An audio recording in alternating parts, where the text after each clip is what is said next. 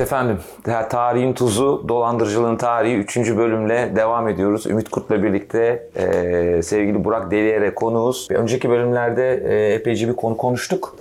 E, birkaç tane şey var aklımda kalan, onları da e, konuşmak istersin diye düşünüyorum. Bir bu telefon dolandırıcılığı var. Bu Bulgaristan'dan arayan kadınlar hesaba para yatırırlar vesaireler, şunlar bunlar. Bir işin e, biraz daha sanatta nasıl yansıtıldığı, sanatta nasıl reprezente edildiği konusu var aklıma takılan. Geçen bölümde söyledik. E, yetenekli Bay Ripley dedi. Ümit Talented Mr. Ripley. Onun aslında e, yani yeri gelmişken söyleyeyim o aslında bir yeniden çevrim. 1960'lar Rene Clemont'un bir filmi. Alain Delon oynuyor filan. E, bir yandan da şey de aklıma geldi. Oralarda o senin söylediğin daha aristokratik gelenekteki tenis oynama hikayesi ikinci bölümde onu konuşmuştuk. E, bir de tabii şu hikaye var. İnanmak istiyorlar. Dolandırıcı bunu inanarak, büyük bir keyif alarak, oyunun her seferinde tadını çıkararak, iyice role girerek yapıyor. Bu bir noktalarda işte birinci bölümde ya da ikinci bölümdeydi sen söyledin. Aslında hem ölüyor hem ölmüyor. Farklı kimlikler olduğu için nereye kadar ölüyor, nereye kadar ölmüyor. Bir de niye bu bizim mesela sanki Türk sinemasında, Türk tiyatrosunda az yansıtılmış. Yani bu kadar dolandırıcılık hikayemiz var. Ya benim işte hatırladığım bir Kemal Sunal'la Şevket Altuğ'un Tokatçı e, filmi vardır. E, Natuk Baytak'ın filmi ve organize işler falan var. Evet. Bir de Mehmet Ali Erbil ile İlyas Salman'ın birlikte oynadıkları bir film vardı. İsmini şimdi hatırlamadım. Hatta Mehmet Ali Erbil orada bir dolandırıcılığı oynuyor ve adı Osman'dı yani. Evet. Sülün Osman'a evet. gönderme var tabii evet. orada. Evet. Orada da köprüyü satıyordu yine. Yine e, Kemal Sunal'ın oynadığı bir filmde. Filmin adı neydi? Böyle a, kör bir kıza aşık oluyor. Ama ondan önce yüklü bir parayla geliyor İstanbul'a. Ona ona da e, köp İstanbul Köprüsü'nü, Boğaz Köprüsü'nü satıyorlar yani. Öyle bir e, gönderme vardı yine Sülün Osman'a yani. Hep de Sülün Osman üzerinden gidiyor abi ya. Başka bizim milli dolandırıcımız yok mu böyle envanter çok geniş, spektrum geniş aslında ama. Aslında çok var. Ya Selçuk Barsa'dan bir şey. E son dönemde çok var tabii. Çiftlik Bank. Ee, neydi çocuğun ismi? Tosuncuk Mehmet. Ha, çok. Mehmet çok var. Bizim için dolandırıcı, ben Türkiye'de bence e, dolandırıcı e, figürü e, çok önemlidir. E, çok Banker Castelli. Banker Onu unuttuk Castelli. bak hiç Tabii, sor- tabii. Yani Evet. böyle çok daha geniş şey olarak baktığınızda dolandırıcı figürü bizim ya şey ben şey diye düşünüyorum şimdi ben tabii sosyolog falan değilim ama dolandırıcılar üzerinden Türkiye toplumunu çok rahat okuyabilirsin. Dinamiklerini, sosyolojisini, psikolojisini, yani toplumsal psikolojisini diyelim.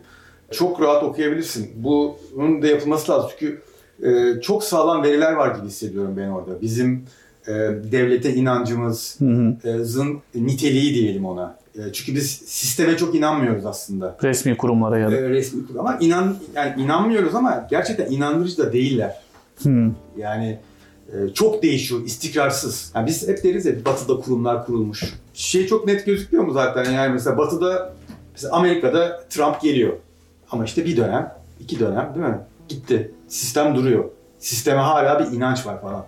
Bizde mesela sisteme inanç olmadığı için anlık hikayelere, kopuk kopuk hikayelere e, inanıyoruz biz. Herkesin ikna olduğu e, ana illüzyonların diyelim yine belki Bourdieu'ya gidecek şey ama ana illüzyonların olmaması e, ya da ana illüzyonun böyle tek kişinin anlık vurgunların e, çok e, ön planda olması, bizim kişiler olarak da toplum olarak da böyle şeylere inanmamız. Bunlar da ilgi geliyor bana biraz. Yani bizim aslında birçok şeyimizin sanatta e, temsili çok yok. Politik hikayemiz, politik filmlerimiz de çok zayıftır aslında. Politik hikaye çok zayıftır. Bu arada mesela şey var, bu Eyüp Tuvalet'in Çakma Karakol hikayesinin bir filmi var diye hatırlıyorum ben. Bazı filmler var. Aslında çok çok daha fazla yapılmalı gibi hissediyorum ben. Ama mesela ben kopma taraftarıyım biraz. Ee, Bunların böyle e, zaten e, yeterince vurgulanmış olması lazım aslında şu ana kadar. Bunların böyle egzotik Hmm. e, hikayeler ya da enteresan buluşlar, bulgular falan gibi değil de yani mesela filmleri yapıldığı zaman en ne kadar enteresan diye yapılıyor. Ama aslında benim için şey çok daha ilginç. E, sanatın kendisinin aslında bir tür aldatma, aldanma meselesi olması. E, yazara inanma, yazarın yazdığına inanma, yazarın inandırıcılığı, okuyucuyla e, roman diyelim ya da bir kitap ya da bir söz, okuyucuyla e, yazar arasındaki bir inandırıcılık alanı çünkü. İnancılık mücadelesi verilen bir yer aslında. E, işte postmodern edebiyatta baştan kendisinin yalan olduğunu söyleyen e, anlatılar da e, var.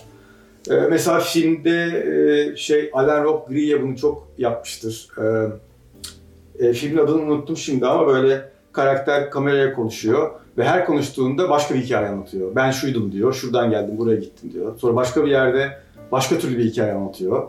O hani e, e, bizim şeyimizi çok sarsan, çünkü biz kameradan bize doğru konuşan insanın belli bir e, hakikat değeriyle dinleriz. Ona bir şey atfederek dinleriz. Onu çok sarsan bir anlatı şeyi. A- Alan Rock Green'in çok zaten e, bu tür şeyleri de var. Bana o tarafı daha ilginç geliyor. Yani böyle egzotik hikayeleri konu alan filmlerdense filmin ya da sanat eserinin kendisinin zaten bir tür inanma inanmama, bir hakikat yatırımı e, olması meselesi. Bu sinemada çok açıktır. bu arada. Aslında- inanmak isteriz. Yani izleyici, çünkü o çok mesela dolandırıcılarla aynı şey. İzleyici gerçekliğin yönetmenin ona gösterdiği kadar olduğuna inanır. Bu çok ilginç bir şey ama inanır. O kadardır gerçeklik onun için. Ve dolayısıyla sen filmden şeyi beklersin mesela. Eğer bir karakter sağ taraftan çıktıysa normalde yani film yapanlar bunu bilir. Normalde o arkadan öteki kareden arkadan girebilir. Ya da işte biliyorsunuz ya ölmüş olan kişi çık geri dönebilir aslında. Fakat biz ona inanmak isteriz. Geri dönmez dolayısıyla o. O inan, inanma oyununu sürdürmek ister tabii ki yönetmen. Bu da sinemanın önemli bir e, mekanizması. Bunun üzerinden çok böyle e, oynanabilir. Oynayan bir sürü yönetmen de var zaten. Ama beni beni ilgilendiren bu. Yani e, eserin ya da sanatın zaten kendisinin bir e, bizim e, inanma ihtiyacımız üzerine kurulu bir şey e, olması. E, Ee, yani tekrar en başa döneceğim serginin e, ismine. E, budalaların hür olmasının nedeni de bu mu biraz senin için? yani e, inan, aldatılma ya da sunulan gerçekliği e, kucaklama, benimseme ve onunla yaşama özgürlüğüne bu anlamda sahipler aslında dolandırıcıların onlara, Evet, onlara, evet. onlara sundukları. Evet. Bir de ben üzerine bir soru ekleyeyim. İlk bölümde şöyle bir şey söylemiştin. Aslında Budalalar sandığımız kişiler değil. Budalalar bu denklemde kimler aslında? Evet ya budalaları ben aslında biraz şeyde düşünüyorum. E, dolandırıcıların kendilerini yani kurnazların kendilerini budala gibi e, düşünüyorum. E, çünkü biz hem e, kurnazlığa, biz kurnazlık e, etimolojik kökünü tam e, nereden geldi belli bu arada araştırmıştım o zaman. E, biz ama kurnaz deyince aklımıza böyle zeki, akıllı değil, akıllı daha şey, hani akıllı ol kavgada denilen şey. Akıllı ol demek, akıllı ol diyen kişi egemen değerlere ve egemen kanunlara gel demek o. Akıllı ol demek yani adam ol, akıllı ol. Bunların hepsi biraz daha böyle insanı egemen pozisyonlara, kanun güç kimdeyse onun ona verdiği yere çağırmak anlamında. E, zeka e, zeka ise zeki olmak ise biraz bunları aşan o zıp çıktı müzik e, muzip e, şeye sahip olan şey anlamında. Ben şöyle düşünmüştüm. Bu kurnazlar kendileri toplumu anlık olarak aldatıyorlar. Alaşağı ediyorlar diyelim. Toplumu, egemen değerleri, egemen gücü neyse o. iktidarı. Yani iktidar derken hükümetten ya da devlet devletten bahsediyorum belki ama hükümetten bahsetmiyorum yani. yani iktidar o anlamda kullanmıyorum. Egemen değerler, düzen vesaire neyse. Budalar aslında e, onu bu şekilde alt ettiğini düşünenler. Yani yine kurnazlar oluyor aslında. Çünkü bu şekilde alt edemiyorsun. Çünkü gerçekten alt etmek istiyorsan işte politik mücadele alanı var. Yani o ayrı bir taraf. Aktivizm yaparsın, siyasal parti kurarsın, bir şey yaparsın. Gerçekten düzeni, düze- düzeni değiştirmenin yolu gerçekten politik mücadele. Dolayısıyla e, benim söylediğim anlamda e, kurnazların da, dolandırıcıların da hani budalalıkları kendilerinin kandırmış oldukları o alternatif gerçekliğe sürebileceğini düşünmeleri biraz. Biraz fazla e, romantikler bu anlamda diye düşünüyorum. Ya da ben onlara böyle yani bir şey kurnaz, yüklüyorum. e, Yani kurnaz ola- her dolandırıcı kurnazdır. Her kurnaz dolandırıcı değildir diyelim. E, yani ben Evet, kurnaz bir evet. dolandırıcı olsam aslında dolandıracağım budala kişi gibi düşünürüm. Yani önce o budalayı budalanın yerine kendimi koyarak düşünürüm. Planımı, oyunumu ona göre kurarım Evet. yani en azından. E, şeyi merak ediyorum ben. Şimdi şey e, biliyorsun işte Herodot mesela ilk tarihçi derler. Aynı zamanda ilk yalancı. Şimdi e, yani o e, daha geçmişe döneme gidersek tarihte bu dolandırıcıların tarihi üzerinden evet, üzerinden de ko- konuşmaya başladık. Hani bu nerelere kadar götürebiliyoruz bu dolandırıcılığın e, evveliyatını, tarihini, ilk dolandırıcılar Valla bilemiyorum aslında e, Kimler mit- var? mitolojide Aklına gelebilen- e, gelen. aslında e, İlginç örnekler a- var mı? Mitolojide ya da efsanelerde bizim anlatılarımızı kuran e, arkaik an, arkaik demeyeyim de e, mitsel anlatılarda zaten dolandırıcı karakteri e, Sebil. Yani çok var. Afrika'da, Afrika şeylerinde var. Şeyi okumuştum. E, Louis Hyde'ın e, Türkçe'de çevrildi sonra. E, How Tricks- Tricksters Makes the World mu öyle bir şey. Yani hilekarlar nasıl dünyayı, e, kültürü ve dünyayı oluşturuyorlar gibi. Orada böyle işte Afrika'dan, Amerika'dan e, bir sürü mitlerde dolandırıcı, hilekar tanrılar hikayeleri var. Yani işte bir belki e, Hermes bunlardan birisi denilebilir. Amerika'da var şimdi adları aklıma gelmiyor. Ama zaten bu dolandırıcı kişi, dolandırıcı figür e, bizim kültürlerimizin çok temelinde yatan e, bir şey. Bazen ders veren mesela ki dolandırıcılar da bize ders veriyorlar zaten. Hani böyle e, senin ahlakını e, ya da bilgeliğini sorgulayan kişiler bunlar aynı zamanda. Sana böyle bir ders de veriyorlar falan. O dersi tabii e, almak da e, Ama o biçimsel, formel, toplumsal ah- bize empoze edilen o ahlaki normların ne bileyim işte yani bunların aslında bize e, empoze edilmiş, inşa edilmiş şeyler olduğunu da e, an- anlatan. şeyler olduğunu, bu normların kurulmasında bizim de payımızın olduğunu. Tabii ki. Mesela şey kurnazlığı öyle düşünürsek, mesela ben hür budalalar ve kurnazlar derken e, birçok şeyi kastediyorum ama bir tanesi mesela bizim e, budala olma payemizin olması lazım. Budala olabilmeliyiz biz. Yani yalanlara inan, kendi attığımız yalanlara inanma özgürlüğümüzün olması lazım.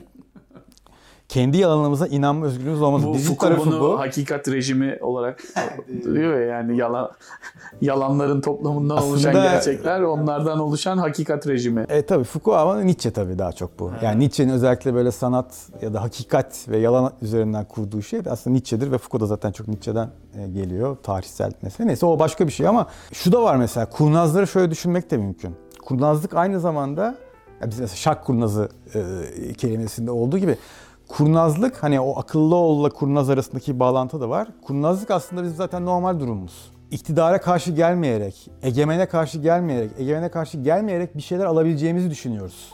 Yani risk almayalım, egemene karşı gelmeyelim. Biz de oradan kendi payımıza belki düşer gibi bir kurnazlığımız da var bizim. Kendi deliliklerimizi, kendi tutkularımızı yaşamıyoruz. Kendi yalanımızı yaşamak istemiyoruz çok. Onun riskini almak istemiyoruz. Onun daha alta atıp daha böyle kuralına göre oynayıp ama kuralına göre oynayıp ama zamanı geldiğinde de vurgun yapabilme ihtimalimizi seviyoruz. Onu yapacak mıyız belli değil ama kuralına göre oynamak istiyoruz. Kurala, o, bu, bu da bu da bir kurnazlık. Bence tam anlamıyla kurnazlık bu. Tekkeyi bekleyen çorbayı içere mi geliyoruz? Bir de şu da var mesela bir, e, şimdi önemli bir şey var aklıma geldi. Evet, asıl budala deyince mesela Dostoyevski'nin budalası ve Dostoyevski'nin e, budalasını okuduğunuzda budalaya aslında Dostoyevski bütün o kurnazlar, akıllılar ve zaten kitapta da öyle bahsediyor. Akıllılar toplumuna karşı kendi özgün e, deliliğini, saf inancını, işte epilepsi krizleri geçiren, e, dünyaya saf inancı olan bir karakter e, Prens Mişkin.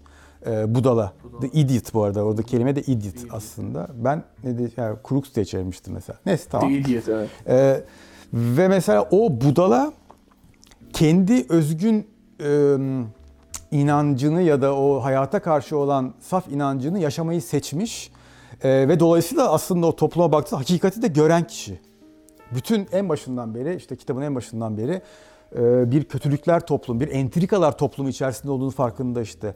Yani mesela o baktığınızda bugünkü bizim e, aşırı iletişim toplumunun e, sürekli entrikalara teşne, iletişimin bir türlü gerçekleştirilemediği, herkesin imalı konuştuğu, sarkazmın alıp alıp başına yürüdüğü, dolayısıyla böyle m, aşıkların e, sevgilileriyle alay etmek için e, alan ko- ya a- an kovaladıkları böyle kötülükler dünyası gibi e, görüyor Dostoyevski ve Budala'yı da o toplumun içerisine yerleştiriyor.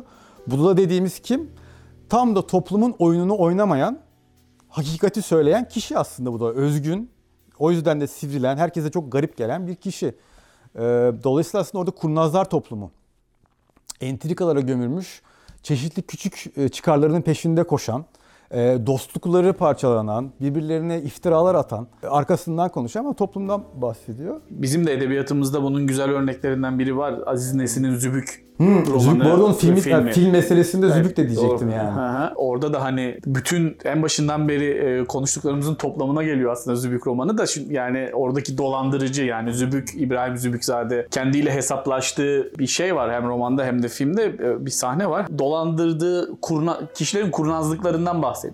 Yani işte biraz da şeye geliyoruz yani hani insan insanın kurdudur gibisinden dolandırılan kişiyi de biz böyle saf mutlak iyilikle donatılmış bir insanoğlu gibi gö- görmememiz gerekiyor galiba. E zaten öyle görmek de eşyanın tabiatına aykırı mı? Yani toplumsal ilişkiler il- yani insanlarla ilişkilenmek bunlar son derece katmanlı, karmaşık, süreklilik ihtiva etmeyen yani hayat böyle bir şey zaten yani. E, öbür türlü zaten hikaye de çıkmıyor. Roman da çıkmıyor, film de çıkmıyor, hiçbir şey çıkmıyor yani eğer o, o türlü olmazsa. Ama em- benim programın başında bu efendi köle diyalekti üzerinden kurmuştum ya. Oradaki aslında demek istediğim şey şuydu. Hani o diyalektikte bile en azından kölenin efendi olma olasılığı var. Yani yüzdesi az da olsa en azından böyle bir e, böyle bir olası böyle bir özgürleştirici bir tarafı var o anlamda. Hani Marx'ın en azından Hegel'in efendi köle diyalektiğine getirdiği eleştiri falan. Hani o anlamda ben e, dolandırılan ve dolandırıcı e, arasındaki ilişkiselliği e, biraz böyle e, şey okumaya çalışıyorum. Değişken, iç içe geçebilir, yer değiştirebilir Evet. gibi e, sanki görmek Evet. gerekiyor yani. Benim için biraz daha şöyle sanırım. Ee, efendi köle diyalek, diyalektiğinin olması için iki tarafında aynı dili konuşması lazım. Yani ortadaki yemeğin yemek olduğunun ikisi tarafta kabul etmesi lazım. Birisi yemek yapıyor, öteki yemeği yiyor. Evet. Ama ortadakinin yemek olduğuna dair ikisi de aynı inanca sahip. Ortadaki değerli bir şey yemek işte ne evleneceksin, araban olacak, çocuğun olacak bilmem ne mesela. Mesela Eyüp Yolet evlenme vaadiyle e, kadınları kandırıyor. E, işte böyle e, gelecek vadiden bir subay rolüne giriyor. İşte zengin bir e, bilmem ne rolüne giriyor falan o şekilde kandırıyor. Şimdi biz, biz eğer ortak inancımız bu e, subayın bu beyefendi subayın bir ortak değerimiz olduğuna inanıyorsak bu oyunu oynayabiliriz. Efendiköy de biraz böyle oynuyor. Fakat bence dolandırıcılar başka bir şey yapıyorlar. Bu oyuna efendi köle diyalektiğine mesafe alıyorlar ve e, efendilerin köleleri nasıl aldattığını görüyorlar. Ve onlar da efendiler yerine geçip bu kölelere bir oyun oynuyorlar. Yani işte orgeneral oluyor, yakışıklı adam oluyor, işte zengin birisi oluyor ya da başka oyun sunuyor falan. Dolayısıyla evet efendi köle diyalektiğini belki canlandırıyorlar, tekrar performe ediyorlar diyelim ona. Onun, onun içine girip o oyunu oynuyorlar. Fakat dolandırıcının durduğu pozisyon daha nasıl diyelim meta bir pozisyondalar. Yani daha bir Ya ben orada onun- hala da o inanma ihtiyacına vurgu yapmak istiyorum. Yani çünkü bu anlattıkların hepsinde bence öyle bir nokta var. Yani en son söylediğin bu arada o illüzyonu yok etmesinde dolandırıcının, dolandırıcının kendi gerçekliğini yarat, yaratabilmiş olmasına da aslında yine bir inanç var. Yani öyle bir sanki bir arketipe duyulan böyle bir şey. Ee, nasıl diyeyim yani o arketipe duyulan bir özlem gibi yani onun artık böyle gerçeğe ete kemiğe bürünmüş hali oluyor. Yani ben yapamadım ama o yapmış. evet. Yani bir yandan da hani bunun yapılabileceğini de bize göstermiş oldu. Yani ve hani orada öyle bir o yüzden aslında belki öyle bir mitik öyle bir kahraman figürü var neredeyse. Ve, e, anti kahraman, Anti kahraman. kahraman ama mesela şöyle de bir e, trajik trajikomik belki de taraf var olayın. Yani aileler çocuklarına belki de e, yani tabii dolandırıcılık olmayı telkin etmiyorlar. O yolu göstermiyorlar ama hani o dolandırıcıların kullandığı kısa yolları Evet. bu yırtma meselesi var ya bizim bu hani memleketteki yani mümeyyiz vasıflardan nasıl yırtarız? Yırtmak yani kısa yollardan nasıl bir şeye erişirim e, meselesi. Hani dolandırıcılığa giden yollar da biraz hani bu, bu taşlarla bezeli, bunlarla döşeli. Yani biz kendi insanlar, çocuklarına, aileler işte çocuklarına falan hani bu yolları yani yırtmalısın, kurtulmalısın, survive etmelisin. Ya o TESEV'in bir saha araştırmasında var. Aha. Siyasetçilerin veya milletvekillerinin yani tam şeyini hatırlayamıyorum da ikisinden bir tanesiydi ya siyasetçi diye soruyorlardı ya milletvekili diye soruyorlardı. Ee, yolsuzluk yaptığına inanıyor musun diye soruyorlar. Çok büyük e, oranla evet yanıtı çıkıyor. Peki kızının veya oğlunun bir milletvekiliyle veya bir siyasetçiyle evlenmesine nasıl bakarsın? Evlensin diyor. Evet. Yani fayda bana gelecekse sorun yok burada. Yani Yani dolandırıcılığıyla evlenmesinde bir beis yok Tabii bu eğer, anlamda. eğer ki bir, bir- benim bundan bir e, karım, bir çıkarım olacaksa noktası yani. Ya benim e, şey son derece mütevazi nacizane tespitim şu zaten. Dolandırıcı hikayelerin mümkün olduğu ülkeler ve zamanlara baktığımızda hep böyle oynak işte köyden e, kente göç. Yani yerleşik bir yerleş yerleşikliğin bozulduğu, e, hareket halinde olduğu dönemlerde bu hikayeler çok şey yapıyor. E Türkiye'de sürekli hareket halinde olan bir ülke.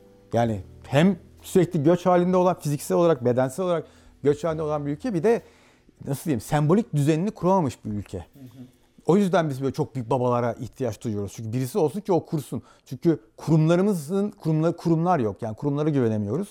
İstikrar yok dolayısıyla. Hele bugünkü kapitalist hızlı dönüşen dünyada e, bugün eğitim alıyorsun. e, yarın o eğitim geçersiz oluyor. Tekrar eğitim almak, e, alman lazım. E, mesela eskiden öyle miydi mesela işte inşaat mühendisi oluyorsun e, 60'lar 70'lerde. Tamamdır yani inşaat insan artık inşaat mühendisi olarak hayatını tamamlayacaksın. Bitti olay. Bugün al tekrar bir şey öğrenmen, tekrar bir şey. Şimdi her şeyin bu kadar istikrarsız, hareket halinde olduğu bir yerde, belirsiz olduğu bir yerde tabii ki herkes bir nevi dolandırıcı olmak durumunda ya da dolandırıcı, dolandırıcılık hikayeleri ya da bu tür dolandırıcılıkların ortaya çıkmaması mümkün değil. Çünkü sabit, ya çapası yok. Çapasız olduğuna inanıyoruz biz. Ya, inanıyoruz bir de çapasız da gözüküyor çok her şey. Evet yani galiba dolandırıcılar da bugünün seküler tanrılarındandır diyebiliriz belki o panteondaki tanrılardan bir tanesi yani en azından. Vallahi Zaten öyle bir şey olması lazım. Yani aynı mantıktan hareketle ya işte Freud, Nietzsche ve e, Marx da birer peygamberdi. Ya da üçü birden dolandırıcıydı. Kendi yarattıkları gerçekliğe referans vererek ilerlediler. Evet. Dışı var mı gerçekten? Bilinç dışı var mı? Bilinç dışı. ya varsa filan. Abi çok keyifli bir sohbet oldu. Çok teşekkürler. Çok teşekkür Ağzına ederiz. Ben Ağzına teşekkür ederim. Çok sağ Evet. olun. Çok sağ ol. Efendim Burak Deliler'le e, Ümit Kurt'la birlikte tarihin tuzunda dolandırıcılığın tarihini konuştuk. E, yeni programda yeni bölümde görüşmek üzere. Sağlıcakla kalın. Hoşçakalın. Hoşçakalın.